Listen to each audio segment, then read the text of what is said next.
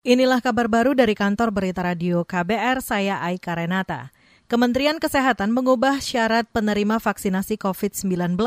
Direktur Pencegahan dan Pengendalian Penyakit Menular langsung Kementerian Kesehatan Siti Nadia Tarmizi mengatakan perubahan itu di antaranya mengizinkan ibu menyusui untuk divaksinasi. Begitu juga orang lanjut usia, orang dengan tekanan darah kurang dari 180 per 110, serta penyintas COVID-19.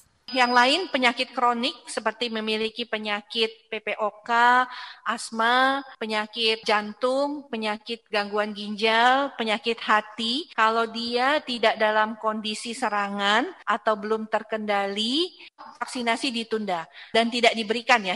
Direktur Pencegahan dan Pengendalian Penyakit Menular langsung di Kementerian Kesehatan Siti Nadia Tarmizi menambahkan, surat edaran itu juga melarang ibu hamil dan orang yang mengalami alergi vaksin COVID-19 pada penyuntikan pertama untuk mendapatkan vaksin.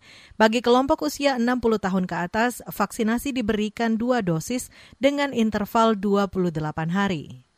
Kita ke Papua. Kapolda Papua Paulus Waterpau memerintahkan anak buahnya memperketat pengawasan akses masuk ke Kabupaten Nabire baik melalui jalur laut dan udara. Instruksi itu dikeluarkan karena Nabire diduga menjadi pintu masuk penyelundupan senjata api dan amunisi ilegal kepada kelompok bersenjata di berbagai kabupaten sekitar. Dan Nabire ini masih sering ditengarai, dimonitor ya, ada peredaran amunisi dan senjata api yang naik ke wilayah gunung khususnya di wilayah Intan Jaya, juga Paniai, sebagainya.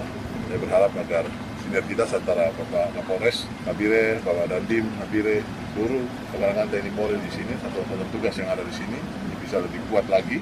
Kapolda Papua Paulus Waterpau juga memerintahkan Polres Nabire membangun komunikasi dan bekerja sama dengan berbagai elemen masyarakat untuk membantu mengawasi masuknya senjata api dan amunisi ilegal ke wilayah tersebut. Pengetatan akses dan pengawasan diharapkan bisa membatasi dan memutus jaringan peredaran senjata api ke Papua. Kita ke mancanegara. Aparat keamanan Myanmar mengerahkan banyak kendaraan lapis baja ke kota-kota besar seperti Yangon, Maikina, dan Sitwe guna membendung protes anti kudeta yang semakin meluas. Aksi massa meningkat pasca kudeta militer pada 1 Februari lalu.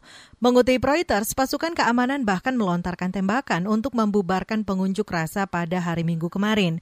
Aparat keamanan Myanmar juga menangkap sejumlah jurnalis yang meliput dan menyiarkan langsung aksi demonstrasi.